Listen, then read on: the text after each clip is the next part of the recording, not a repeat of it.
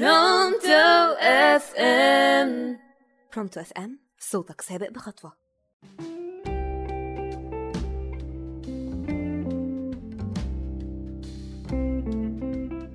مساء الخير عليكم أنا إنجي عزت على راديو برونتو موضوعنا النهاردة عن النضج. باختصار النضج هو كده نتيجة النمو والتطور للكائن الحي عبر مراحل حياته.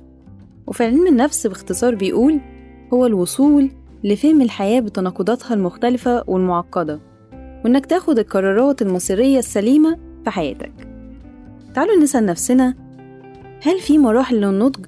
وهل النضج مرتبط بتقدم العمر ولا لأ؟ هقول لكم إيه هي علامات النضج وهل مرتبطة بتقدم العمر ولا لأ؟ الحقيقة إنك ممكن تلاقي شخص عنده 30 أو 40 سنة لكن مش بيظهر عليه في تعامله النضوج ومن الممكن كمان إنك تشوف شخص في العشرينات لكنه ناضج.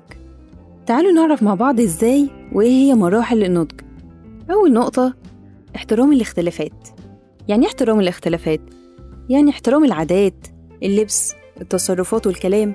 مش لازم الناس اللي بتعامل معاها أو الأشخاص اللي بتعامل معاها يكون نفس الشكل ونفس الكلام والأسلوب والعادات والتقاليد لأننا كلنا مختلفين.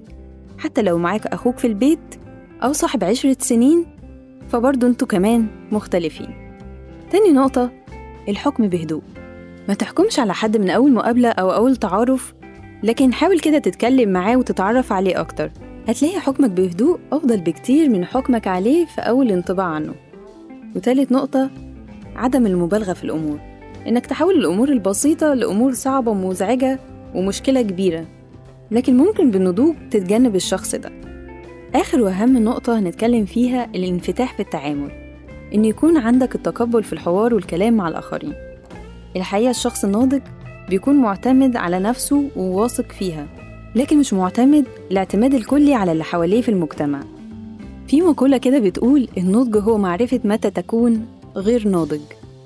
حاول كده تراجع نفسك لو لسه شايف نفسك لسه موصلتش لمرحلة النضج إنك تتقبل اللي حواليك وتقرب منهم وتحترمهم باختلافهم وإنك تفكر بشكل ناضج ومختلف في حياتك. أتمنى تكون حلقتنا كانت خفيفة عليكم النهاردة. كانت معاكم إنجي عزت من برنامج تليسكوب